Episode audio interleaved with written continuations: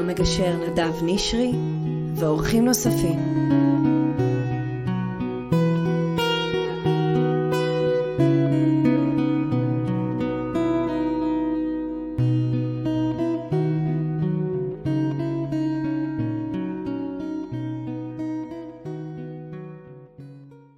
עשר שנים של יישוב סכסוכים, מבחוץ ומבפנים.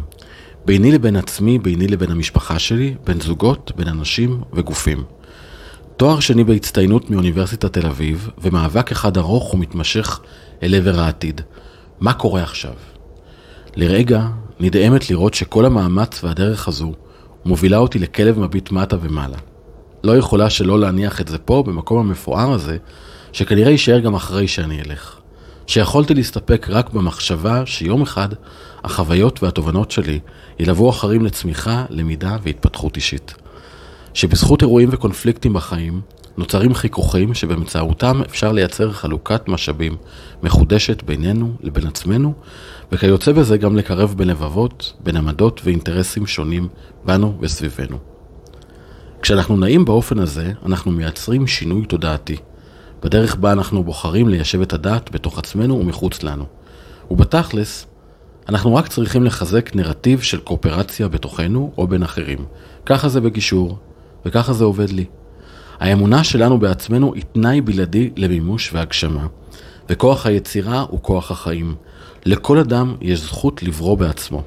אל תאפשרו לאף אדם מלבדכם לשאול מהם גבולות הכוח שלכם, או לחתור לשם, וגם אם אתם שואלים את עצמכם, אז תדעו שהכוח שלנו הוא בלתי מוגבל, והגבולות היחידים הם רק בתוך הראש שלנו. תזרעו בעצמכם חלקים שהייתם רוצים לפתח בחיים, כי היצירה הגדולה ביותר שלנו היא הדמיון. היכולת לחלום והאומץ לחולל שינוי. ההישגים, החלומות והמטרות שאנחנו מציבים לפנינו, כל אלה בסוף רגעים כל כך קטנים, והדרך אליהם לפעמים כל כך מאתגרת. כמו בתרגול יוגה, כך גם במעברים של החיים. פעם שקט ופעם רועש, פעם רגוע ופעם סוער, פעם שחור, פעם לבן, פעם חופשי ופעם מלווה בספירה. ובשמירה על שחרור וחופש התנועה. זה יוצא אשטנגה ויניאסה של החיים. התשוקה שלי לחקור את עצמי ואת הגוף שלי כמעט בלתי נשלטת. משהו עצום שקרה לי, ואני מצליחה להעביר אותו הלאה, אז אני רוצה להודות על זה. פשוט תודה. תודה על הכל. ובמבט האישי שלי לאחור אציין, ובעיקר עבור עצמי, אני mother fucker תותחית. נמסטה.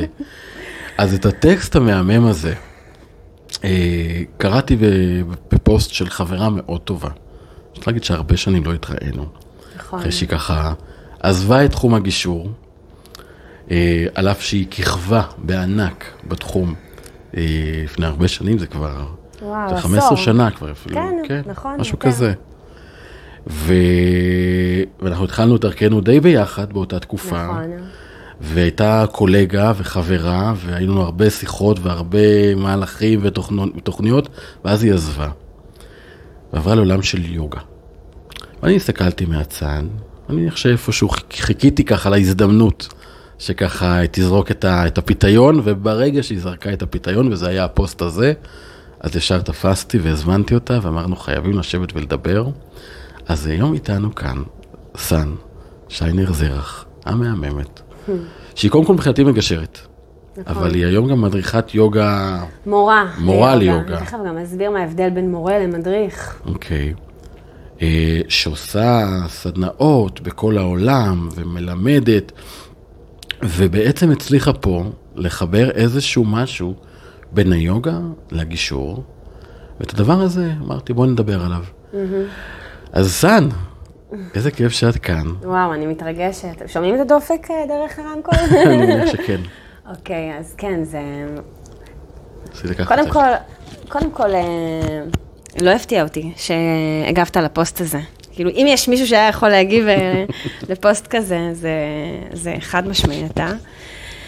כן, מלא שנים לא נפגשנו, ואצלי יש איזושהי, נעשתה איזושהי התפתחות אה, אחרת, אה, שמחברת בין העולמות המשיקים האלה. מאיפה. להתחיל? איך זה קרה? איך, איך התחלת? בואי ניקח רגע, תקחי את התיאור שלך. אוקיי. מה, מה קרה? התחלת להיות כמגשרת. נכון. מה שמעניין אותי בהתחלה, איך הגעת בכלל לזה? לגישור? לגישור. וואו. איך הגעתי לגישור? בעצם, אה, קודם כל, אני בת להורים גרושים. אני נכדה לסבא וסבתא גרושים, מצד אחד. אה, ואם יש משהו שאמרתי לעצמי שלי הוא לא יקרה לעולם, זה שאני אתגרש. אני גרושה, נשואה בשנית. אה, ואחרי שהתגרשתי בפעם הראשונה, אגב, בלי ילדים, החלטתי שאני רוצה להתמקד דווקא במקום הזה שממנו כל כך פחדתי כילדה. והתחלתי באיזושהי חקירה אישית, בכלל לא תכננתי להפוך את זה לאיזשהו מקצוע. התעניינתי בעולם הזה ש... שבו מיישבים סכסוכים, וזה הפגיש אותי עם עולם הגישור. אני זוכרת שכשסיימתי לימודי גישור, המשכתי להשאיר את עצמי בעצם לימודים שמתמקדים במשפחה וגירושין, אצל פרופסור קלר רבין, אצל... גם, גם אגב בהיבטים העסקיים, אבל משהו במשפחה וגירושין ככה משך אותי יותר. ומצאתי את עצמי גם מסיימת, סיימתי את התואר הראשון שבכלל היה בתקשורת ומדעי החברה, ואז התואר השני שלי עשיתי ביישוב סכסוכים וגישור באוניברסיטת תל אביב, ופשוט התמקדתי, התמקדתי בנישה הזאת של משפחה וגירושין, ואז המאבקים היו אחרים. המאבקים היו על מי בכלל רשאי לגשר ומי לא. אבל אני חושבת שמשהו במפגש האישי שלי עם התחום הזה, הביא, הביא אותי לאיזושהי נקודה שבה עשיתי את מה שעשיתי באופן מאוד יוניק לי. אז באמת גישרתי תקופה של כמעט עשור. הייתי די פעילה בתחום הזה, לשכת המגשרים, ארגון המגשרים, והחיבור ביניהם, דרך אגב, גם שם. ובאיזשהו שלב, אני חושבת לקראת הלידה של הבת הקטנה שלי, של רוני, מצאתי את עצמי יושבת ועושה פריסה של, של הקלפים מחדש. אני יכולה לקשר את זה אפילו לאיזושהי חוויה שחוויתי בגישור האחרון, אגב, שהיה לי. גישור מאוד מאוד מאתגר ומורכב, שבו מצאתי את עצמי יושבת ושואלת את עצמי שאלות כמו, האם, האם בא לי לעסוק בזה? האם זה הדבר שאני רוצה לעשות למשך שארית חיי? האם הדבר הזה שאני עושה, שאני עושה בסך הכל די טוב, אבל האם הוא טוב לי? אם הוא עושה לי טוב? ומצד אחד אני חייבת להגיד שברמה של החוויה האישית, זה נתן לי הרבה פרופורציות, כי היו רגעים שהייתי מגיעה הביתה ואומרת, טוב, המצב שלי לא כזה גרוע, זה מצד אחד. מצד שני, זה הפגיש אותי עם כל מיני סוגיות של, של מוסר, של לויאליות. איפה זה פגש אותי? זה פגש אותי בזה שא', בגישור וכמגשר, בשונה מבליטיגציה, אתה לא מייצג צד אחד. אתה בעצם מייצג שני צדדים, אתה לא צריך להביס צד כדי לנצח.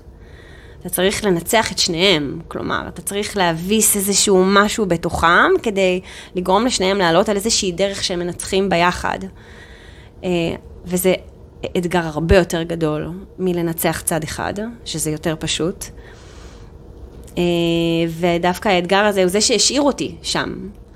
אבל מה שלקח אותי אחורה זה גישור שמצאתי, שמצאתי את עצמי שם, מאבדת קצת את הלויאליות. מצאתי את עצמי נמצאת בתהליך של גישור של שני, של זוג, שהיה אצלי ואצל קולגה שלי, שאגב, אחת האמונות הכי גדולות שלי בהקשר של גישור זה שעבודה בקו היא עבודה טובה יותר. ועבדתי דאז עם קולגה, עם אבי אלטלף, ועשינו איזשהו תיק שבו הצדדים החליטו לא להגיש את ההסכם לבית משפט, החליטו להכניס את ההסכם למגירה ולהמשיך לחיות יחד, לתת לזה צ'אנס נוסף. ואחרי פחות משנה התקשרה אליי אישה בבכי נוראי, וסיפרה שלבעל אה, שאיתו היא חיה יש ילד. אה, כן, יש ילד, אין כאן שמות או משהו. יש ילד אה, מחוץ לנישואים, ילד בן שלוש. אה, כשבעצם הילד הזה, אה, הוא יורש חוקי לכל דבר. אה, אני הייתי בחודש תשיעי, ממש לפני לידה, הורמונלית ורגישה, וגם לא כל כך רציתי לקבל את התיק הזה למען האמת, כי חששתי שאני אעכב אותם, פתאום אני אצא ללידה ומה. בכל זאת קיבלתי את התיק הזה, וזה היה התיק האחרון שהקשרתי בו. כמובן שהם בסוף התגרשו ועשינו להם הסכם וליוויתי אותם לבית משפט בכל, הת... בכל התהליך הזה, אבל זה היה התיק האחרון שלי. אחרי התיק הזה אני ילדתי, ושאלתי את עצמי אם בא לי לחזור. בזמנו תרגלתי יוגה. והגעתי ליוגה בצורה מאוד אקראית דרך חברה, שאמרה לי שהיא קבעה לעצמה שיעור יוגה בבית עם אה, מורה, והיא אמרה לי בואי תצטרפי, אני בכלל לא הבנתי מה זה יוגה, מבחינתי יוגה דעה זה מדיטציה, כן? אמ, ואחרי שנפגשתי עם העולם הזה, והייתי אחרי הלידה של רוני, זה הדבר היחיד שרציתי לעשות, וזה גם היה סוג של מקום מפלט שלי. אה, ברגעים של, אה, שבהם אני רוצה להיות עם עצמי, או להגיע עם עצמי לאיזה שהם אה, תובנות, או למצוא בעצמי מקומות חדשים. אז זה מה שהייתי עושה, הייתי מתרגלת יוגה. ו... ואז התחלתי להשתעשע עם המחשבה של ללכת ללמוד הוראה בתחום. לא תכננתי להפוך את זה למקצוע, אני גם לא חושבת שאפשר לקרוא לזה מקצוע. זה דרך חיים. אמ, ואני זוכרת שישבתי עם אמיר בעלי במיטה, וסיפרתי לו שאני רוצה ללכת ללמוד הוראה בתחום. הוא היה עם הטלפון, הוא חז בטלפון, הוא אפילו לא הרים את, המבט מהטלפון. הוא אמר לי, תשמעי, יוגה זה, זה תחביב, זה לא מקצוע. אמרתי לו, לא, אני לא מתכננת להפוך את זה למקצוע, אבל כאילו להשאיר את עצמי. בכלל לא התייחס לזה ברצינות. ואחרי שסיימתי את הלימודים, הכל קרה מאוד מאוד מהר. קודם כל, כמובן שכל פנייה של גישור שהגיעה אליי, אז מצאתי לעצמי איזה תירוץ למה אני לא מקבלת אותה, והעברתי לקולגות, העברתי גם אליך תיקים, העברתי לאבי, ובאיזשהו שלב הבנתי שאני צריכה לסגור שם את כל העניינים, כי אני לא הולכת לחזור לשם. וזה מה שעשיתי. התחלתי ממש אה, בצורה מאוד אה, אינטואיטיבית, פשוט אה, לקבל פה חברה, לעבוד פה עם עוד מישהו. ומצאתי שזה הדבר שבא לי לעשות כשאני קמה בבוקר. שזה מהמם, כי אנשים באמת בעולם הזה, ואת יודעת כמה זה קשה לבנות שם וניסיון ומוניטין ולקבל עבודה. נכון. ואת הגעת. נכון. באיזשהו מקום כזה. נכון. ועזבת את זה. והלכת לעולם של יוגה, אבל אז בעצם מצאת את החיבור. נכון. זה בעצם הפוסט הזה. נכון. אז איך, איך, איך נראה החיבור הזה בעצם של הגישור והיוגה? איך זה עובד ביחד? אוקיי, אני אסביר. אנחנו... אנחנו כולנו, כבני אדם, מסתובבים בעולם וחושבים שאנחנו מנצלים את uh, מלוא היכולות שלנו, או המקסימום פוטנציאל שאנחנו מכירים בעצמנו. אבל אנחנו לא מנצלים אפילו חמישית. אנחנו לא מעלים על דעתנו מה היכולות הפיזיות והמנטליות שיש לנו. והמקום שבו אני מצאתי שאני עושה חיבור בין היכולות המנטליות שיש לאנשים מולי, ולאפשר להם להכיר בזה ולראות את זה, קודם כל זה שולחן הגישור. והמקום שבו מצאתי שוב את היכולות שאני יכולה להראות לאותו אדם שיש לו, זה המזרן. ואני חושבת שהדבר הכי מדהים זה, א', יוגה זה לא ספורט. יוגה זה מנהג. זה מנהג מדהים שמגיע אלינו מהמזרח הרחוק, מהודו, והמטרה שלו היא לתרגל קודם כל את התודעה. נכון שהתנועה היא פיזית, אבל מהתנועה הפיזית הזאת נוצרת איזושהי תנועה פנימית. יוגה זה לא ספורט. יוגה זה מנהג אה, שמגיע אלינו מהמזרח הרחוק, והמטרה שלו לתרגל את התודעה שלנו דרך תנועה פיזית. לפעמים גם לא, אבל לרוב אנחנו אה, מתרגלים דרך תנועה פיזית איזושהי תנועה פנימית. ובדומה לשולחן הגישור, אנחנו עושים כל אה, מפגש, כל פגישה, איזשהו תרגול, כל פעם מקרבים עוד קצת. נכון? כל פעם עושים adjustment, דוחפים עוד קצת את הצד הזה, דוחפים עוד קצת את הצד הזה. הדגש הוא על, על התהליך. הדגש הוא על התהליך. אנחנו לא באמת רוצים את הפתרון, אנחנו רוצים בסוף שיהיה איזשהו פתרון, בסוף שיהיה איזה עושים- אושר, אבל התהליך הוא הסיפור. התהליך, אותו דבר גם ביוגה, התהליך של ההתפתחות שקורית אה, בגוף שלנו ובתודעה שלנו, הוא תהליך שלא נשאר רק במזרן, הוא תהליך שיוצא מהמזרן החוצה. כלומר, כשאתה מצליח לעשות איזושהי תנוחה, שבסנסקריט נקראת אסנה, אז התנוחה שבה אתה שוהה, שבעבר הסתכלת עליה ואמרת, אין סיכוי שאני אעשה את הדבר הזה לעול- בחיים, אתה פתאום מבין שהצלחת לפרוץ איזשהו מחסום. מחסום של חשש, מחסום של פחד, מחסום של מסוגלות או לא אי מסוגלות, והדבר הזה הוא מלווה אותך החוצה הרבה מעבר למזרן.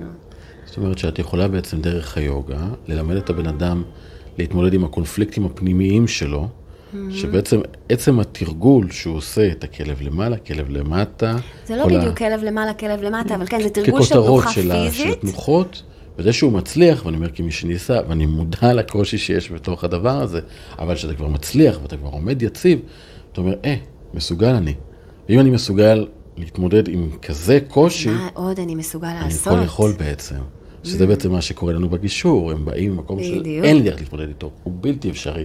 זה לא, זה, זה לא פתיר, זה לא גשיר, אבל אז ביחד הם עוברים איזשהו תהליך, נכון. שכל אחד עם עצמו לומד איזושהי דרך, ככה שהוא יכול להתמודד עם הסטרס ועם הקונפליקט וכל המשמעויות, ואז גם ביחד הם פותרים את זה. בדיוק. אז בעצם זה הכל, הכל בעצם סדרה של תהליך של פתרון מחלוקות. נכון. ולקחת את זה פנימה. נכון. העניין הוא של... העניין של אה, יישוב מחלוקות בתוכנו, אה, הוא משהו שתמיד היכולת שלנו למדוד אותו היא כלפי חוץ. להשוות את עצמנו ל... או לעצמנו ב- בסיטואציה אחרת, או לעצמנו מול אחרים, מול אותו צד שעומד מולנו. והמקום הזה שבו אנחנו אה, פורצים את הגבולות של עצמנו, הוא המקום הכי עוצמתי שיכול להיות. ותחשוב ש... אני חושבת שבתהליך של גישור, אה, הפעמים שאנחנו זוכים להקיא, לראות, להיות חלק מפריצות דרך ממש גדולות, הם כאילו, הם פעמים אה, רבות, אבל הפריצות דרך העוצמתיות באמת הן ספורות. זאת אומרת, מה שאני רואה על המזרן בכל תרגול יוגה, ובכל פעם שעולים על המזרן. זאת אומרת, כל תרגול יש בו פריצת דרך. וזה מה שמדהים, אה, ומה שבעיקר שאב אותי זה היכולת שלי להיפגש עם אה, קושי שהוא אישי שלי. אה, אתה זוכר, אתה זוכר את בעיית העיניים הנדירה שיש לי. נכון, היה משהו. אז בגישור תמיד היה לי קושי, הרי יש לי אה, מחלת עיניים נדירה שנקראת סטארגרד, שהיא גורמת לניוון של המקולה, של ניוון של מרכז הראייה, של הרשתית. אוקיי. ובעצם אה, בתהליכים של גישור, אז היה לי יש לי קושי בעצם לקרוא ישירות מדף ומכלי שהוא לא ממוחשב. אני יכולה להשתמש בפונטים. אם היינו יושבים אחד עד השני נכון. והיית צריך לכתוב לי, זה היה בגדול. נכון, נכון, נכון. אתה זוכר? אז זהו. אז בעצם ביוגה יש לנו דבר שנקרא דרישתי. זה בעצם נקודת המבט שלנו, שהיא איזושהי סוג של אחיזה, אחיזה פנימית או אחיזה חיצונית. שומרת על אה, תנוחות בגוף שלנו שהן תנוחות של שיווי משקל וגמישות וכוח. וזה המקום שבו הצלחתי לפרוץ גם את הגבולות של עצמי. כלומר, הבנתי שגם אם אין לי דרישתי רחוק, הדרישתי הקרוב שלי יכול להביא אותי, הפנימי שלי יכול להביא אותי להישגים כאלה גבוהים, שממש באמת במעט זמן אה, הבאתי אה, את עצמי לשיאים גדולים, שהם במדד חיצוני עצומים. איזה מדהים זה.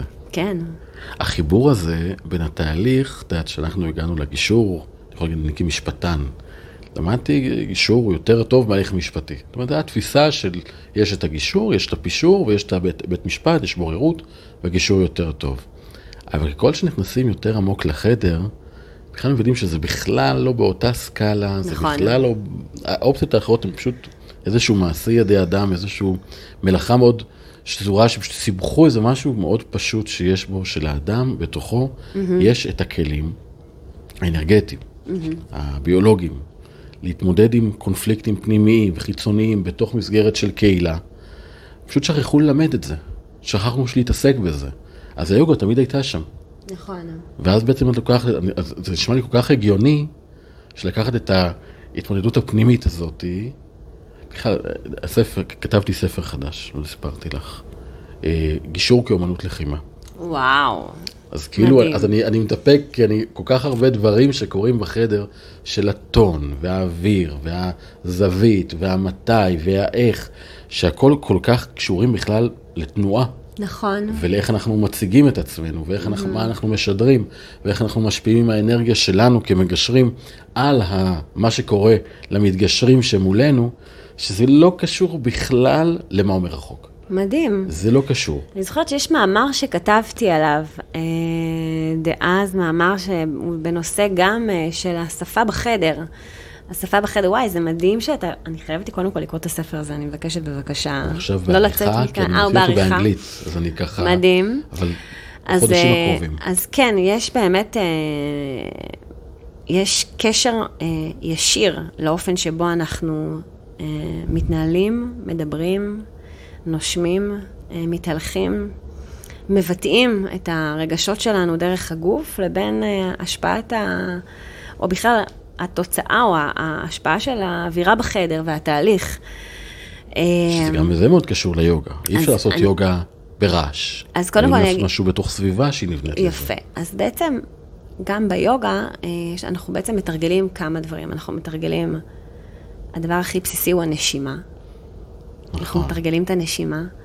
אה, זה נקרא פרנה ימה, אומנות הנשימה. אה, ואנחנו מתרגלים את התנועה, ואנחנו מתרגלים את התודעה במדיטציה. והחלק שבו אנחנו מתחילים אה, לתרגל באופן הדרגתי כל נושא, הוא משפיע על היכולת שלנו להיות מודעים לתנועה של הגוף שלנו, לכוח בגוף שלנו, לוויסות. למשל, אה, יש כל מיני סגנונות של יוגה. יש הרבה סגנונות של יוגה, אני חושבת שכמעט כמו כמות הפרחים בעולם, ברמה הזאת. וואו. כן. אבל יש בין שישה לשמונה זרמים מרכזיים שהיוגה יוצאת מהם, ואחד מהסגנונות שאני מלמדת הוא סגנון שנקרא אשטנגה ויניאסה יוגה, שזה בעצם אה, זרם מאוד עתיק ומסורתי, שמבוסס על counting, על ספירה. אני סופרת, יש רצף של תנועות, ואז מגיעים לתנוחה, ושוהים בתנוחה חמש נשימות. נשמע פשוט. אבל... לא, אני יודע שגם... התנוחה. שבה אנחנו עוצרים, היא בדיוק התנוחה שממנה אנחנו רוצים לברוח. יפה. וזה המקום שבו אנחנו מתחילים לשלוט בדחפים שלנו, וביצרים שלנו, ובתשוקות שלנו. וזה המקום שבו אנחנו צריכים לאסוף את כל הכוחות הפנימיים שלנו והכוחות הפיזיים שלנו כדי לשהות עוד נשימה אחת במקום הזה. אה, וזה באמת מחבר אותנו למקום של איפוק ושליטה בשולחן הגישור. האימפולסיביות שלנו, הרצון שלנו לענות, הרצון שלנו להגיב, הרצון שלנו לקום וללכת, הרצון שלנו לעשות. העוד נשימה הזאת, כמה היא משמעותית. כאילו, הצלחתי. הצלחתי על זה? לתפוס אותו. בא לי לעשות איזה בולד מאוד ענק על הדבר הזה. את ב- בתוך הפודקאסט הזה, אני, אני לא מכין הרבה, ש... אני לא מכין שאלות ממש. אני אומר, יש פה שיחה.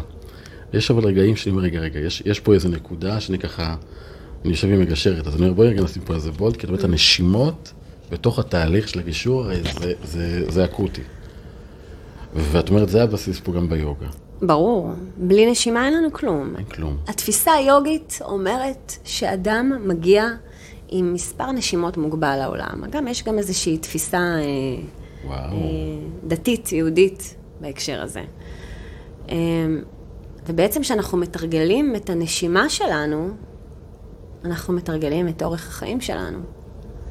ובתרבות שאנחנו חיים בה, בעידן ובתרבות המערבית, אנחנו מתורגלים לנשום כל כך מהר, קצר וקולע, כל כך חד וברור, דבר צ'יק צ'יק צ'יק, אני צריכה להספיק עוד. דברים. אז בדיוק שם, אה, זה המקום שבו אנחנו מוצאים את עצמנו, אה, מתרגלים משהו חדש, משהו לא מוכר.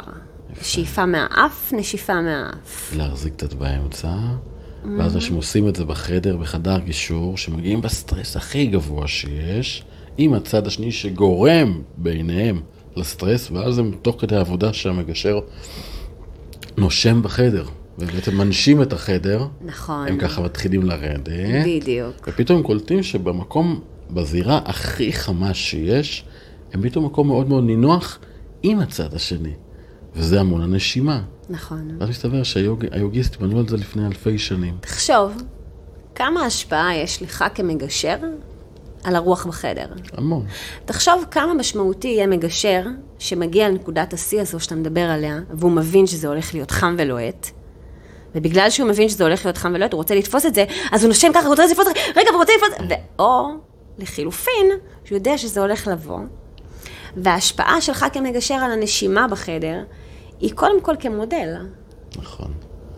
כשזה קרה לי, אני יכול להגיד לך, בנקודות האלה, שם הבנתי שאני חייב להתנתק מהגישור הממסדי, שמלמד את כל הקורסי גישור הבסיסיים האלה שמסתובבים, שלמדתי אותם, לימדתי אותם, עשיתי אותם, אבל כשבאתי לחדר הגישור, ובנקודות האלה, שהחדר עלה בלהבות, mm-hmm. ואני פעלתי, לא או לא פעלתי לפי מה ש... שהיוגיסטים אומרים, של הנשימות והמודל, אלא באמת עברתי לפי מה שלימדו בגישור, האינטרסים, עמדות, ולא התעסקתי עם הביולוגיה, ופספסתי את הזוגות, ואמרתי, רגע, רגע, רגע, משהו פה לא, לא, לא יכול להיות, והלכתי והקשבתי לאינטואיציה שלי. ואז זרקתי את כל הספרים, את כל הקורסים האלה, והתחלתי בתוך הנשימה ובתוך התהליך, זה, זה החקירה, לא הכרתי את היוגה. ברור, זה יוגה מה שאתה מדבר זה- עכשיו, זה יוגה. זה יוגה. אבל לאורך השנים, אני מבין, המחקר האישי הזה המצאתי זה יוגה, זה. גם מה שאנחנו עושים עכשיו אגב זה יוגה. נכון.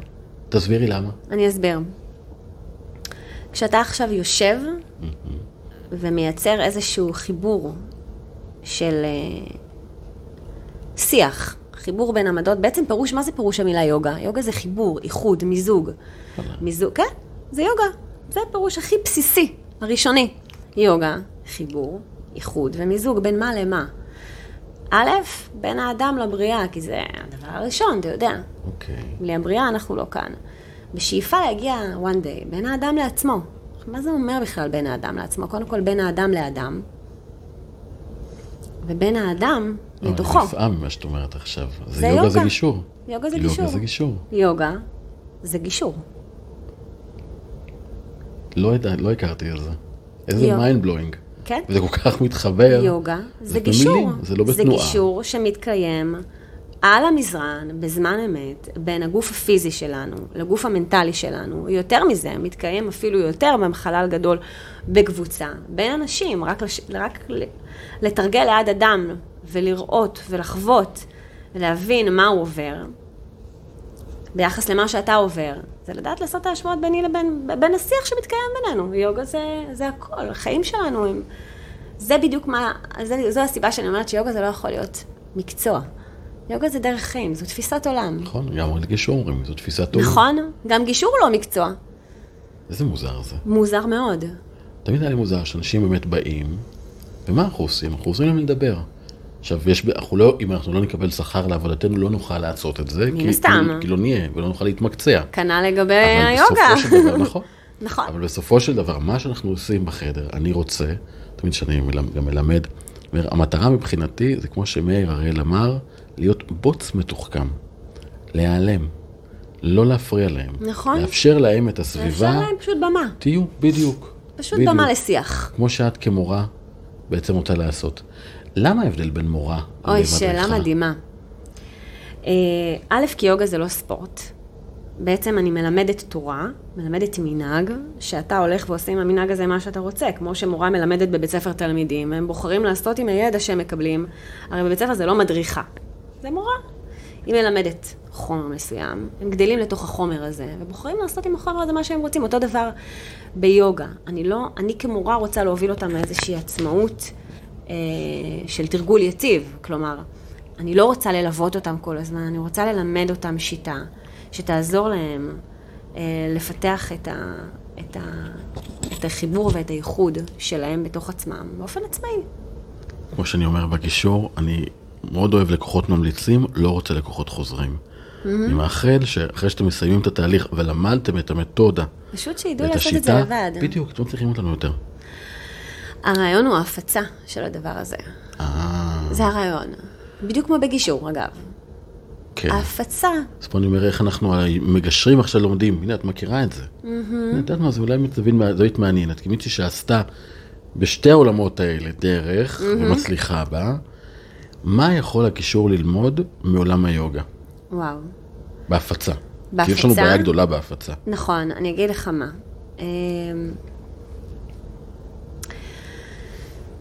קודם כל, ההבדל בין העולם הזה לעולם הזה, שכשאני מגיעה לאיזה שהם הישגים, הם נראים לעין. איפה? ביוגה. ביוגה. כשאני מגיעה להישג כלשהו, אז אתה רואה אותי עושה עם הגוף שלי דברים מטורפים. לא, זה, בואי בואי נעצור את זה, את מעלה תמונות ואני אומר, מה? כן. איך היד מגיעה לשם? איך זה- זה הרגל? לא אמור- הרגל מגיעה, זה זה לא אמור להיות. אז, אז, אז כן.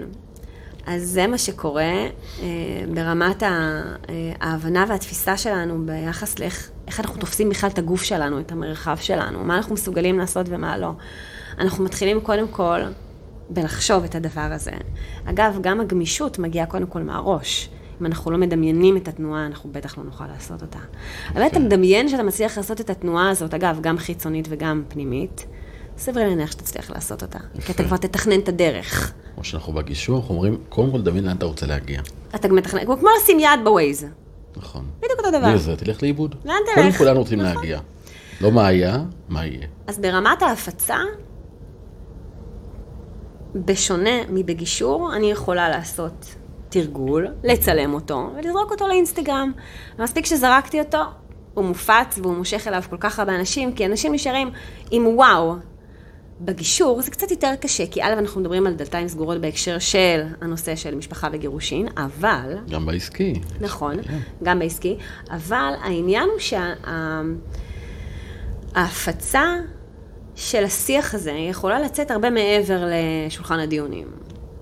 כלומר, אם זה משהו שאתה מאפשר או מלמד, מלמד כמורה דרך, את היושבים סביב השולחן, לנהל את השיח הזה, גם בחוץ, גם עם הילדים. זאת אומרת, זה לתת כלים בסוף. איך אנחנו מפיצים את הכלים האלה? א', תמיד להפיץ. לא לשמור שום דבר אצלנו, כי שום דבר לא שייך לנו באמת. נכון. להפיץ כל, כל דבר שיש לך שהוא כלי שהוא חזק להפיץ, ואני תמיד זוכרת את הדבר הכי, שהכי שומר עליי. להיות, יש להיות אמ, איש מקצוע טוב ויש להיות מקצוען. אני חושבת שככל שאנחנו משתמשים בכלים פשוטים יותר, ככה אנחנו יותר מיוחדים. אני נכון. חושבת שככל שאנחנו יותר חושפים את הכלים שיש לנו, ואנחנו יותר אמ, מאפשרים אותם ומנגישים אותם לכמות גדולה של אנשים, ככה אנחנו מפיצים את זה באופן... פשוט להפיץ את זה, לאפשר כמה שיותר כלים. ספר שיש אותי. לך, ללכת לפתוח עכשיו, לתת איזושהי השקה. אני, את הקורס הבסיסי שלי עכשיו הוא פתוח, יש את הארוך ויש גם את המקוצר, וגם הוא נפתח עכשיו חינם מדהים, לציבור, בכל השפות הולך לצאת. מדהים. אז הנה, זו דוגמה להפצה. כזה. בוא לי יש תרגול, לזה. לי יש שלוש פעמים בשבוע, תרגול בחמש בבוקר, שהוא פתוח לכל מי שרוצה, הוא לא עולה כסף. תרגול שלי. אני פותחת מזרן, עולה על המזרן, מתרגלת, מי שרוצה להצטרף אליי בא. תרגול זריחה. וואו. כן. כן. טוב, אני ארבע שעות האלה, אבל לנסוע זה זה, זה, זה גדול. זה כן, זו שעה מאתגרת. אני גם חייבת להודות שבהקשר הספציפי הזה כן צריכים להכיר את- הרצף של התנוחות כדי לתרגל, כי אני לא מנחה בזה זה בזמן הזה, זה. תרגול שלי. אמ, אבל זו פריבילגיה, כן, למי ש... מי שחי ונושם ומתרגל ורוצה להכיר ולהעמיק בעולם הזה. אמ, וואו, יש לי כל כך הרבה לשאול אותך ולדבר יאללה. איתך. אמ, תרגלת יוגה פעם? האמת שכן, איזה סגנון, אתה יודע להגיד? לא. אני יודע שהבאנו מדריכה הביתה. מקס- מורה, סליחה.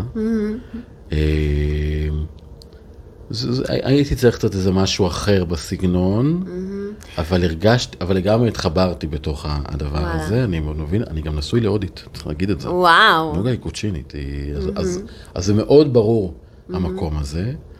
אה, אז אני מאוד מבין גם את הערך, לא עשיתי אבל את החיבור הזה עם הגישור. זה, זה, כי יכול להיות שלא נפגשת עם הסגנון אה, המסוים שמדייק את זה, כנראה. כנראה. כי רוב מה שמלמדים היום, אה, אני חושבת שמה שיותר אה, רחב באוכלוסייה זה רוכב, זה כאילו מה שיותר מלמדים זה ויניאסה יוגה, שזה זרים קצת יותר מערבי, יותר פלואו כזה. אבל השטיינגר הוא ממש מסורתי, ממש... אה, טוב, אני, אני, אני רושם לעצמי לעשות איזשהו, איזשהו ניסיון. ניסיון, לזה. ניסיון, כן, כן, כן, איזושהי כן, אני- היכרות כזאת. אני אעשה. את זה. מה עוד בין הגישור ל... בין ליוגה? הגישור ליוגה. אולי לדעת מה, גם בכלל טיפים או רעיונות שיש לך גם לאנשים, שאת ככה עכשיו היית, ואני יודעת מה, נספר את זה, כי אני ואת היינו עמוק, אמרתי את זה לרגע, בשאלה מי בכלל יכול לגשר. נכון. אני יכול להגיד לך שהנושא הזה הוכרע. ב... הוא, הוא כבר, זה, זה כבר נון אישיו. ספר לי על זה קצת. אני לא בעניינים. כמה שנים אה, טובות. היה... את יודעת מה, יאללה, בא לי לספר לך את זה. ספר לי על זה קצת. כמישהי אה, שחיה ונשמה את העולם הזה והייתה עמוק בתוך הבוץ. היה הרי דיון וה- גדול בין מי המגשר הוא עורך דין או, או לא. והיה דיון מאוד גדול, ואנחנו שנינו לא עורכי דין. ו... ו... ו... שעובדים. וזה משך הרי הרבה תשומת לב, היו הרבה עורכי דין שאמרו, מה פתאום, אם לא. אם לא עורכי דין, לא יכולים לגשר. עדיין היה- נרשמנו ברשימת המגשרים של בתי משפט. נרשמנו, אני לא נרשם, לא ניגשתי בסוף. לא, אני הייתי ברשימת המגשרים היית- של בתי משפט. כן, כן בעיה חוקית, בואי נגיד, לא, אין בעיה חוקית, כן. וחוץ מלשכת עורכי תמיד זה- הדין, זה היה אף שנוי אחד במחלוקת, לא... נכון, אני מסכימה איתך. זה היה שנוי על ידי הלשכה. והיה עוד ניסיון, והיו פה, אבל עם השנים זה, היו הצעות חוק, ראשונה, שנייה, ולא קרה עם זה שום דבר. שנה שעברה אני קיבלתי מכתב. מכתב איום ענק מלשכת עורכי הדין, שאומר לי שהסני, בגדול, היה האשמות גדולות, זה התחיל באותיות גדולות, שהוא... לא, לא צריך לחזור, על באמת, באו, להפ... עשו מכתב הפחדה מאוד גדול, הייתה בינינו התכתבות, בסוף הסתבר, כמו שחשבנו, הם מבחינתם, אני, אין לי בעיה שאני, אין להם בעיה שאני אגשר, אבל את ההסכם הם רוצים שיעשה, או שינוי הכותרת, אני יכול לעשות הסדר גישור, אבל הסכם גישור, צריך שיהיה עורך דין. על זה כן שמעתי בקיצור, משהו. אוקיי. אני הייתי, אגב, הפתרון של זה היה פשוט, אני מצאתי את העורכת דין הנחמדה, שפשוט, אני לוקחת את הסיכום שלי שזה הסכם, תשנה את הכותרת, ישלמו לצדדים 400 שקלים ובזה נגמר הסיפור. אוקיי. זה, זה היה המשמעות של הדבר הזה, אבל זה הפריע לי. כי זה לא נכון, וזה לפעול מתוך הפחדה. ופניתי לקבל ייעוץ, וקיבלתי חוות דעת, עשרה עמודים, מאוד מפורטת, שנשלחה ללשכה, שמראה למה בעצם מגשר שאינו עורך דין, בכלל, ונדב נשרי בפרט, יכול להגיש הסכם, זה בסדר גמור, ואני כבר הגשתי אלפי הסכמים שאישרו, וחמש, תכף שמונה מגשרים פה במשרד שעובדים, לא מזדהים כעורכי דין, גם מי שבמקרה יש לו תואר של עורכי דין, אנחנו לא מופיעים כעורכי דין, והשופטים, דיינים, מאוד אוהבים את ההסכמים שלנו. חוות הדעת הזאת חלפה כבר כמעט שנה משלשכת עורכי הדין קיבלה אותה, ואין תגובה. עכשיו, זה, וזה אומר הכל. עכשיו, בכלל, בינתיים, פוליטיקה וכל מה שקורה, רפורמה לא רפורמה, סיפור פה הוא, הוא, הוא, הוא, הוא די הסתיים, איך שזה נראה. אמ, אבל בפועל, מה שקורה בשטח, אני אגיד את זה בפשטות, הבינה המלאכותית שנכנסה, השינויים שקרו בתרבות, אמ, יודעת, הרבה נזקים שעשו עורכי דין דווקא.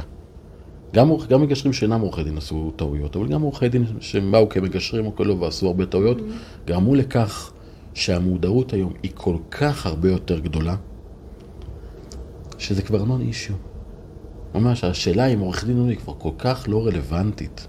כל כך לא רלוונטית. לפעמים אני עדיין שואלים את השאלה הזאת, אבל זה, זה בטל בשישים. ואז מה שקרה בשטח, שבגלל העבודה הטובה שעשו המגשרים באשר הם, בין אם הם עורכי דין ובין אם לא, אבל הם עשו עבודת גישור, כנראה עבודה יוגיסטית. אנשים הפסיקו לשאול את השאלה הזאת. וזה, וזה היה הסיפור.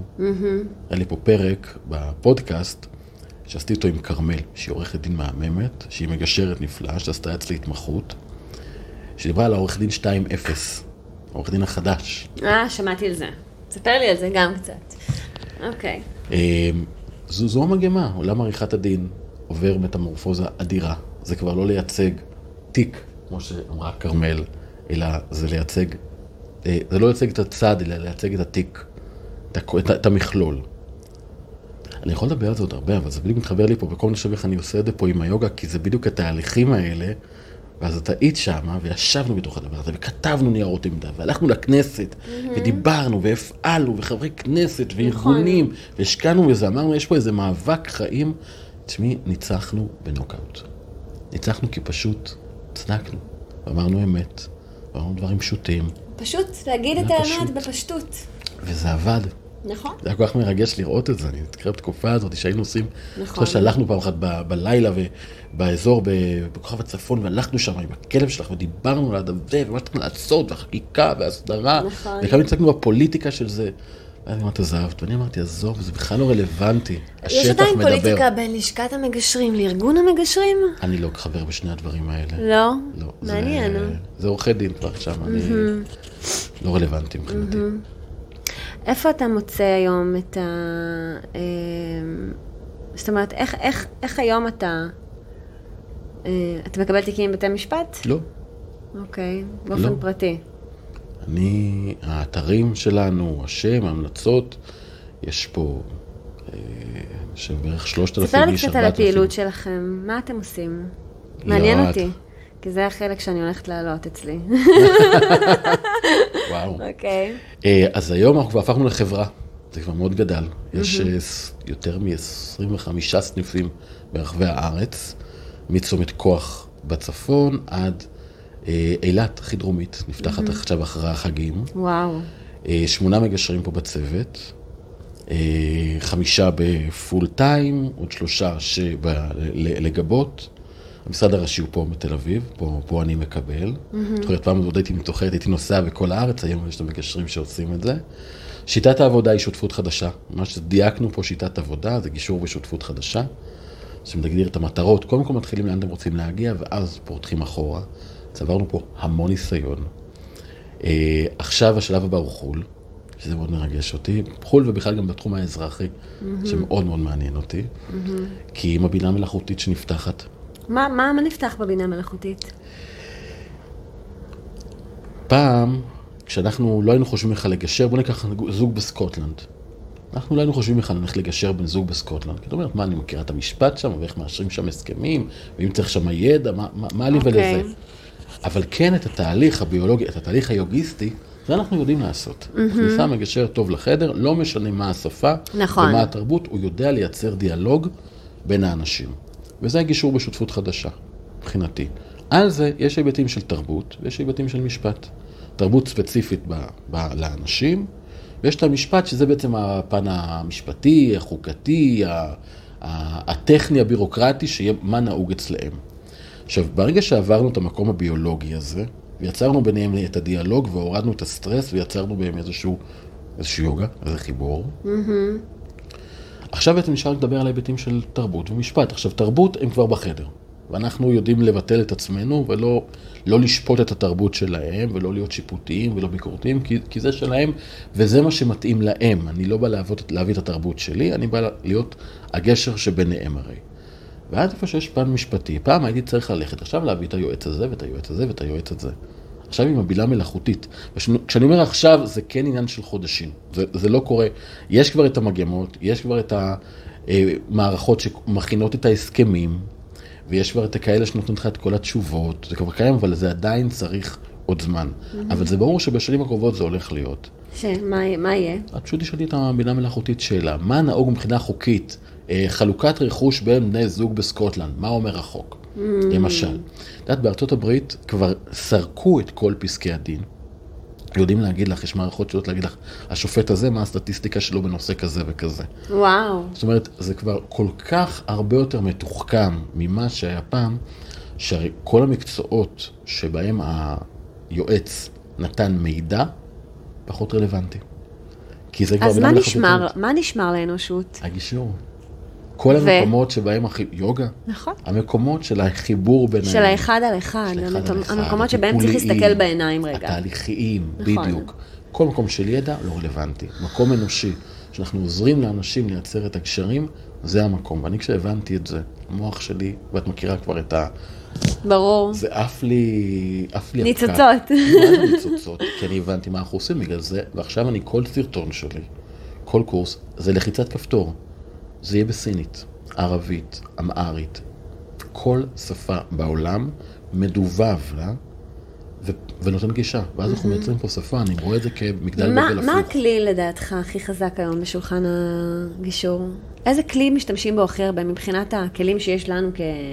כאנשים שלנו, הדברים הבסיסיים שאנחנו מביאים איתנו. שאלה קשה, אני לא יודע להגיד כלי אחד. אני יודע, כי, כי זה... המילה הוויה עולה לי, את יודעת מה? אנרגיה, הוויה, אנרגיה. כן. האנרגיה שאנחנו באים איתה.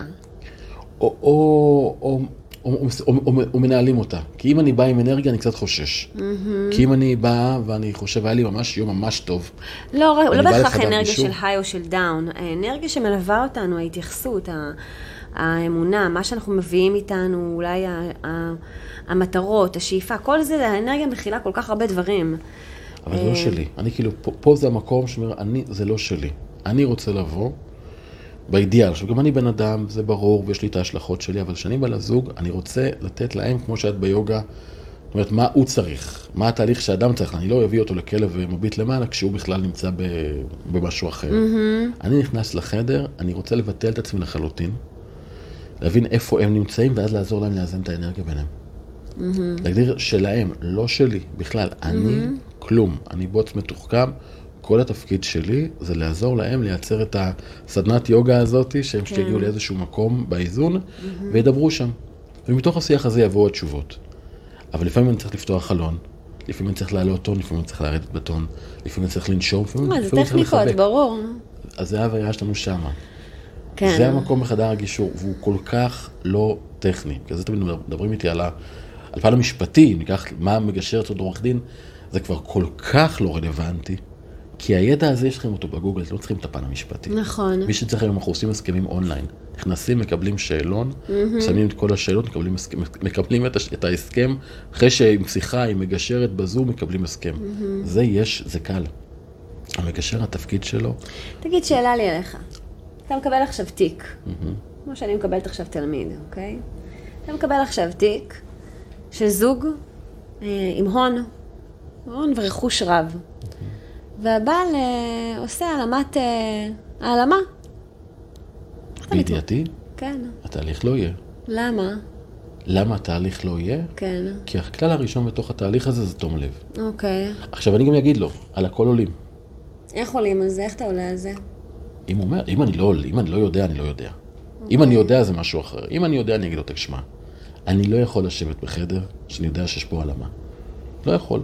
אני כן אגיד לך שבסוף עולים על הדברים האלה, כי אי אפשר להעלים. באמת, מי שרוצה לעלות היום, הכל אבל ממוסתר. איך, איך, אנחנו, איך אנחנו כמגשרים לצורך העניין בהקשר הזה, אה, יכולים לשלוט בתהליך כזה שאנחנו יודעים שיש פה איזשהו, ברור שקודם כל אנחנו אף פעם לא יכולים לדעת, אבל האם יש איזשהו סיכון ב, לזוג שמגיע עם אה, רכוש רב, אה, ואנחנו יודעים שיכול להיות שיש חלק, שיש רכוש שאפשר להעלים.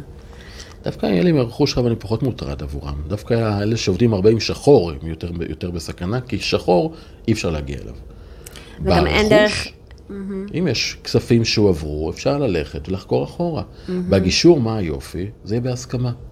כי אם אנחנו יושבים פה באמת בתום לב, והצדדים אומרים, אני באמת רוצה לשבת ולדבר ולחשוף, אז בבקשה, בואו, אם רוצים לקחת חוקר כלכלי, או מישהו, ש... או כלכלן, שיבדוק את זה הנתונים, מחזיר אותנו בבקשה. לתהליך בעצם. תמיד זה בתהליך. מחזיר אותנו לתהליך. זה כמו שמגיע אליי תלמיד ואומר לי, תקשיבי, אני החלום שלי זה לעשות את תנוחת ה... איזושהי תנוחה. תנוחת העורב, שהוא עומד רק על הידיים, רגליים מקופלות. זה החלום שלי, זה מה שאני רוצה לעשות ביוגה. זה, זה, אני עושה את זה, ניצחתי את כל הגבולות שלי. אני אומרת לו, בוא, מה הבעיה, עכשיו אתה עושה את זה. אומר לי, איך אני אעשה את זה? עכשיו, עכשיו אני נותנת לך את. עכשיו, עכשיו, עכשיו אתה עושה את זה, בוא. פותחת מזרן, הוא עושה את זה. נגמר. נכון. לא חוזר. למה? הוא פספס את כל התהליך. תחשוב, מה הוא עוד יכל להרוויח אם הוא היה עושה דרך עד שהוא היה מגיע לשם? איזה עוד תנוחות יש שהוא לא יודע, נכון. שהוא היה יכול לעשות? אילו. נכון. אני חושבת שהתהליך הוא הדבר החשוב ביותר. זה שהאדם שמעלים יבין בתוך התהליך, שזה שהוא יגלה הוא ירוויח עוד ירוויח קצת אולי. הוא יותר אולי. ירוויח עוד קצת. הרבה יותר. אבל הוא יפסיד כל כך הרבה. בדיוק. גם המחשבה ללכת, מי רוצה ללכת עם תחושה? הרי אם מישהו פעל לו בחוסר תום לב, הוא יהיה חשוף. נכון. מתישהו יעלו על זה, איך יעלו על זה? כי יום אחד ההורה השני יהיה זקן, יהיה קשיש, יהיה סיעודי, לא יהיה כסף, לא יש. אז שילדים ישאלו שאלות, למה? מה היה? איפה? כמה למה? אנרגטית. נכון. אנרגטית, מרגישים את זה. כשמישהו הולך והוא העלים, הוא גנב, הוא שיקר, יש עליו, יש עליו משקל, רואים אותו. למה אתה צריך את זה? זה רק כסף. כסף זה אמצעי. וברגע שאתה מבין שאתה, עובד ביחד, בטח אם זה האימא או אבא של הילדים שלכם, זה רק כסף. אם רע לו, יהיה רע לילדים. זה בא ביחד. ואז זוכרים את זה, ואז מה עושים? וברגע שמבינים שיש פה הזדמנות לשותפות חדשה, ליצירה, להרמוניה, ואתה לא צריך לוותר על שום דבר. זה שאולי יש שותפים, לא אומר שצריך לתת אותם. אבל תעבוד בתום לב, זה כל כך משנה את השיח. יש כל כך הרבה אפשרויות. אז תהליך. מעניין. למה? אה, למה העלית את זה? זה דברים ש... א', זה דברים שאני פוגשת, אה, נגיד, אה, אתה יודע, יש לי כל מיני תלמידים ותלמידות שהם באים ומשתפים אותי, פתאום אנחנו, הרי בשיעור יוגה אין לנו מקום, אנחנו לא מדברים, אין שיח. השיח היחידי זה האופן שבו אה, התלמיד או התלמידה עולים על המזרון, ודרך התנועה שלהם או הנשימה שלהם אני יכולה להרגיש או לראות שעובר או עבר עליהם משהו. מתוך ההיכרות היומיומית שלי איתם. אה, ולפעמים יוצא מצב שבסוף השיעור אני שואלת כזה אם הכל בסדר. כי אתה יודע, יש דברים שאי אפשר להסתיר. הגוף שלנו הוא מראה, כאילו, אנחנו שקופים. אה, ואני שומעת על כל מיני, אני, אני רואה זוגות, אני שומעת אה, על כל מיני אה, מקרים, ואני תוהה, אני תוהה איך מתמודדים, אה, אני פשוט, אני לא, גם לא תמיד אני זוכרת מעצמי מה הייתי עושה בהם. פשוט מפעילה את ה-common sense שלי, את ההיגיון הבריא, אבל כן אני יכולה לומר ש... אנחנו צריכים לזכור שיש לנו, לנו גם מגבלות. יש לנו גם מגבלות. המגבלות שאנחנו מגיעים איתן, גם כמורים, או גם כמורי דרך, או גם כדוגמה אישית, או גם כמגשרים, או גם כ... אפילו ברמת האומדן, זוג שמגיע, אה, אה, זוג שמגיע למגשר, וברמת החלוקה ביניהם, מספיק שהמגשר יזרוק איזושהי הערה שיכולה, אה, הערה של חוסר תשומת לב שיכולה לפגוע באופן שבו אנחנו קולטים את המסר כצדדים. סתם, תלמידה שלי שסיפרה לי שהיא בתהליך גירושין אצל אה, מגשרת, והם דיברו על חלוקת הרכוש ועל המזונות. אה, והם דיברו על בסביבות ה-50 אלף שקל מזונות על ארבעה ילדים. המגשרת אמרה, נראה לך? כאילו, אתה מבין? איך הגעת לסכום הזה? לא הבנתי. אז, אז אתה צוחק, אתה יודע לאן- איפה אני מכוונת. כאילו, התגובה שלנו, אנחנו גם מוגבלים. זה, זה כי הרוב, אני אגיד את זה עדיין, אז תסביר מה אמרתי כאן, כי יש כאלה שאולי יצפו בזה ולא יבינו. סכום המזונות שנקבע, הנהוג לצורך העניין, הנהוג. זה כמה, הנהוג, זה, זה, זה לא 50 אלף שקל בחודש. נכון, אבל, אבל... יש כאלה שיש להם את היכולת, ויש את הרצון, ויש וזו גם- הסכמה, ויש ויותר מזה, יש 50,000 גם, יש. גם חיים שלמים שחיו מותר. לפני, בעצם נכון. את אורך החיים הזה. ויש, נכון. אז אי אפשר לבדוק, בגלל זה כל מקרה הוא לגופו. אגב, הוכח מחקרית, כל מקרה לגופו. והכל דלתיים סגורות. אז כבר ראינו גם הסכמים של 50 אלף שקל, לא ראיתי כזה, אבל בעשרות רבות של אלפי שקלים ראיתי, והם, ואני מקבל עדכונים, הם חברים טובים והכל בסדר. וזה אפילו מזונות לכל החיים. ממש, עד... יש שינוי כשהילדה תהיה גדולה, זה לשארית החיים, גם כאלה ראיתי. אז מותר להם, וזה בסדר. עכשיו, כשהמגשר בא, פותח עיניים על מקום כזה, ואומר, רגע, אבל זה לא מה שנהוג. למה? אבל איך הגעת לסכום הזה? אז פה מתחילה הבעיה, כי אם. זו הסכמה ביניהם, והם בדקו את זה, והם מודעים זה לזה, לא בדיוק אם פה יש הסכמה ביניהם, זה גם אם רק מתבצרת ההסכמה, זאת אומרת, היא רק מתחילה, היא מתהווה. אני אומר, אנחנו- בתוך התהליך, אנחנו מלווים אותו. הרי יגידו לה, תקשיבי, יגידו לה, יגידו לו. נכון. אז אנחנו מעולה, תנו להם להגיד את זה. אני פה בתוך התהליך, אני ביניהם, אני הבן אדם היחיד ביקום, ביקום, שהוא באמת נמצא ביניהם, בלי דעה. בדיוק. ומה שמתאים אבל לכם, אנחנו הכל מוגבלים. בסדר. צריכים למה? לזכור את זה. מאיזו בחינה? כי יש לנו דעה. ואנחנו בני אדם. תשמעי, אני יכול להגיד לך, אני יכולה להגיד לך משהו אחד, אהוב יקר. אני אגיד לך מה אני חושבת. שגם אם אנחנו רוצים להיות ניטרלים, וגם אם אנחנו נהיה ניטרלים, יש דברים שאנחנו נשמע בכיסא, שאולי, בלי לשים לב, רק ההבעה שלנו תשתנה, והיא תשפיע. ועצם היותנו בחדר נוכחים, עצם הנוכחות של עוד אדם בחדר, היא משפיעה בכל צורה, בכל דרך. קצב הנשימה, קצב התנועה, אופן הדיבור, טון הדיבור. ודאי, אפילו רק זה השהייה. המטרה שלנו גם, אנחנו נכון. רוצים להשפיע במקום הזה. ונכון, אבל אנחנו יכולים תמיד לכוון להכי מדויק כשאנחנו רוצים, ולהכי גבוה ולהכי, אתה יודע, אבל לזכור שאנחנו גם מוגבלים. לזכור שאנחנו מוגבלים, ה- ה- ה- לא ממקום של להגביל את התנועה או את ה... אלא להתייחס לפעולה שלנו בחמלה, לתנועה שלנו בחמלה. זאת אומרת, מותר לנו גם לטעות, זה בסדר. אה, בוודאי. מותר לנו לטעות, זה בסדר, אנחנו עושים את מה שאנחנו שאנחנו זה יכולים. ממש בסדר. כן. אני חושב שגם אם אנחנו באים ומציגים את עצמנו כ... כבני אדם, אז בסדר, נכון. מותר לטעות, מותר מותר להתנצל. לטעות. מותר גם להתנצל בחדר ל- גישור. נכון. מי שבא ואומר, זה היה בדרך כלל מפשרים, ככה נהוג. פה, פה אתה, זה, זה, זה ברור שיש פה טעות. נכון. ברגע שמייצרים את התהליך, ואני נציג התהליך, אז אני אומר, אני, התהליך הוא גם בתהליך למידה. גם התהליך הוא, תה- הוא בתהליך למידה. אז זה בסדר. ואז אני לא, אני לא שם על עצמי את, ה, את, המס, את המסכה הזאת של אה, יודע הכל. נכון. נותן את כל, זה לא המקום שלי. המקום שלי הוא לעזור להם לייצר הידברות. ואיפה שיש לי ידע אובייקטיבי לתת, אני מוכן נכון. לתת אותו, אבל יש מעט מאוד. כי החיים שלכם זה הסיפור. אגב, בהקשר של הקורסים, אה, אני גם בשנתיים האחרונות התחלתי להכשיר מורים ליוגה. וואו, אני שייכת לזרם שהוא בעצם, אה, בעצם המורה הגדול שלי נקרא, קוראים לו ג'ון סקוט. הוא אחד מהתלמידים הישירים של מי שהמציא אה, את שיטת האשטנגה והנגיש אותה לתרבות המערבית. מין שושלת כזאת מכובדת מאוד. אה, ובעצם אה, בשנתיים האחרונות אני גם מכשירה אה, עם השותף שלי לדרך, רועי וייס, אה, מורים. מכשירה מורים איפה ליוגה. אתם עושים את זה? אנחנו עושים את זה בסטודיו ברמת השרון. ברמת השרון. ואני ככה יש לנו שואלת... גם קורסים בכל העולם, כן, אני רואה שאתם מטיילים, הקורסים עושים שלנו מסעות. עכשיו הופכים, הבית ספר שלנו הופך להיות בינלאומי עכשיו, כי אנחנו בדיוק עכשיו פותחים אה, קורס, שבו ג'ון מגיע אלינו בנובמבר לארץ, אוקיי. אה, ועושה הכשרה של 25 שעות לבוגרים שלנו, של הסדרה השנייה. אה, השטנגה מבוססת על סדרות, מסיימים סדרה אחת, עוברים לשנייה, יש כאלה שגם לא מגיעים לסוף הסדרה חיים שלמים, סוף הסדרה הראשונה, אבל יש שש סדרות, ובעצם ג'ון הולך להכשיר אה, ב-25 שעות חלק מהסדרה השנייה, או חלקים נכבדים ממנה, אה, והוא הולך אה, להזמין גם תלמידים שלא מחו"ל, וואו. אלינו לסדנה, כן, לקורס הזה.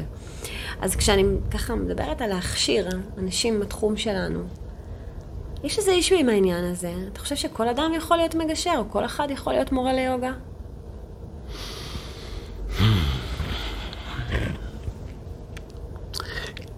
תראי, אני רוצה להגיד כן ולא. יש אנשים שהאופי שלהם ברור שהוא לא גישורי. מי שיש לו, הוא דעתן, ודעתו חייבת להישמע בחדר, אבל כולנו דעתנים לפעמים. לפעמים יש לה איך אתה יכול לווסת את זה. ואני לא, אני חייב שכבר אני ככה, ככה אין לי דעות, באמת. אני... ככה הבנתי ש, שזה משפט אבל כשאתה אומר אין לי דעות, זו כבר דעה. זאת אומרת, כל כך אין לי דעות, זה כן, אנחנו כבר דעה. מבינים את ה... תראי, אוקיי. דעות זה כמו, זה כמו חור תחת. לכולם יש. בסדר? שלהם אנחנו עושים איתם. לא פוליטיקלי קורקט, אבל נכון. זה- אוקיי. זה- המשפט. כן. שלהם אנחנו עושים עם זה. אם אתה נמצא בחדר ואתה חייב שישמעו את הדעה שלך, ואתה יודע מה נכון, ואתה מתבאס שאנשים לא פועלים לפי מה שאתה אומר, אל תיכנס לחדר גישור. זה לא המקום. לך תהיה עורך דין, לך תהיה יועץ, לך תהיה משהו, שאנשים יבואו לך ותן להם תשובות. זה ממש בסדר. מגשר, צריך לקחת את הדעות שלו ולשמור אותן לעצמו. למה? אלא אם כן יש משהו אובייקטיבי. להרביץ לילדים זה רע. זה אתה יכול להגיד את זה. אתה תמיד, תמיד צריך לזכור שאחד הצדדים יושב בחדר. ואם אתה רוצה לדאוג לו, אתה לטובתו, ואתה תגיד משהו שהוא תואם את הדעה שלו, אתה אוטומטית תאבד את הצד השני, ואז יהיה לו רע. ואז צריך לעבוד תמיד לשניהם, וזה אומר להיות באמת נטול דעה בתוך המקום הזה. השאלה אם כל אחד יכול אה, לבוא ולהיות. אה, לעשות הכשרה אצלך. אליי כל אחד משעות את הפרקטיקה. קורס גישור מבחינתי הבסיסי, אני, הוא חינם מבחינתי. אני, מה שמוכרים בתי הספר מבחינתי זה קורס מבוא לגישור. 60 שעות האלה אני תמצתתי אותם, יש גם את הארוך וגם את המקוצר, חינם. קחו בבקשה. כל שלום. אחד יכול לעשות את זה? כל אחד יכול לעשות אוקיי. את זה. זה, אני חושב שזה כלי לחיים, כמה שילמדו את זה יותר, אנחנו נחיה בחברה יותר טובה. אוקיי. זה ה- זה- זה- זה עלילה העולם. עניין. ההפצה שאלת אותי, אני מחזירה אותך לזה. אוקיי. בדיוק ככה, אני, אני מתחבר איתך לדבר הזה, יש לך טוב בעולם. בעולם שיש בו כל כך הרבה סבל, ואינטריגות, וחוסר חיבור, ויש לי את הכלים לא לתת אותם, אז אני נותן אותם באהבה, חופשי, קחו. אוקיי. מי שרוצה להתמחות, אז יש את הפרקטיקום בגישור גירושין, תכף אנחנו עושים גם פרקטיקום אזרחי, בתביעות אזרחיות, לא תביעות קטנות, תיקים אמיתיים מהשוק הפרטי, העסקי. זה, יש שם 100 שעות, 140 שעות באזרחי, של לשבת ללמוד בכיתה את שיטת העבודה.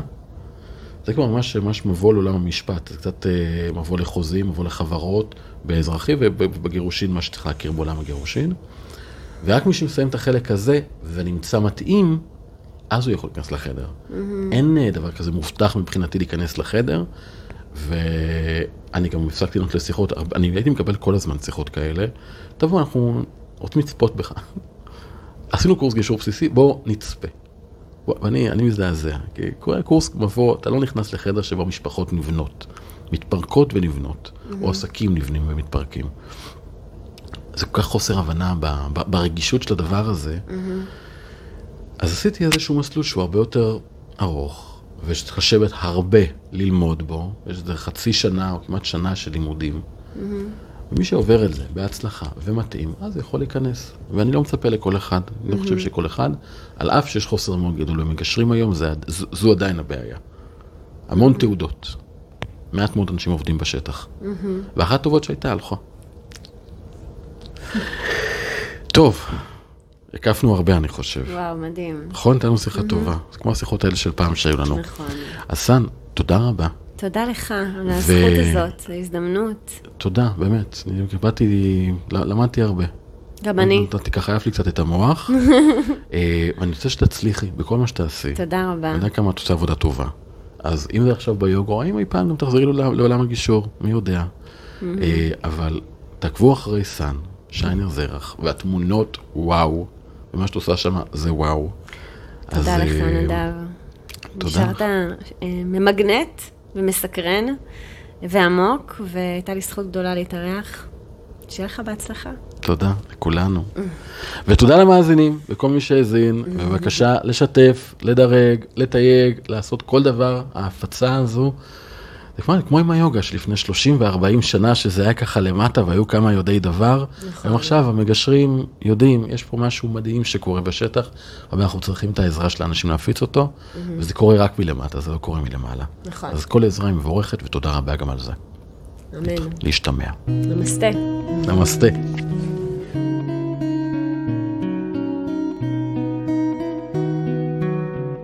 משהו עם גישור, עם המגשר נדב נשרי ואורחים נוספים.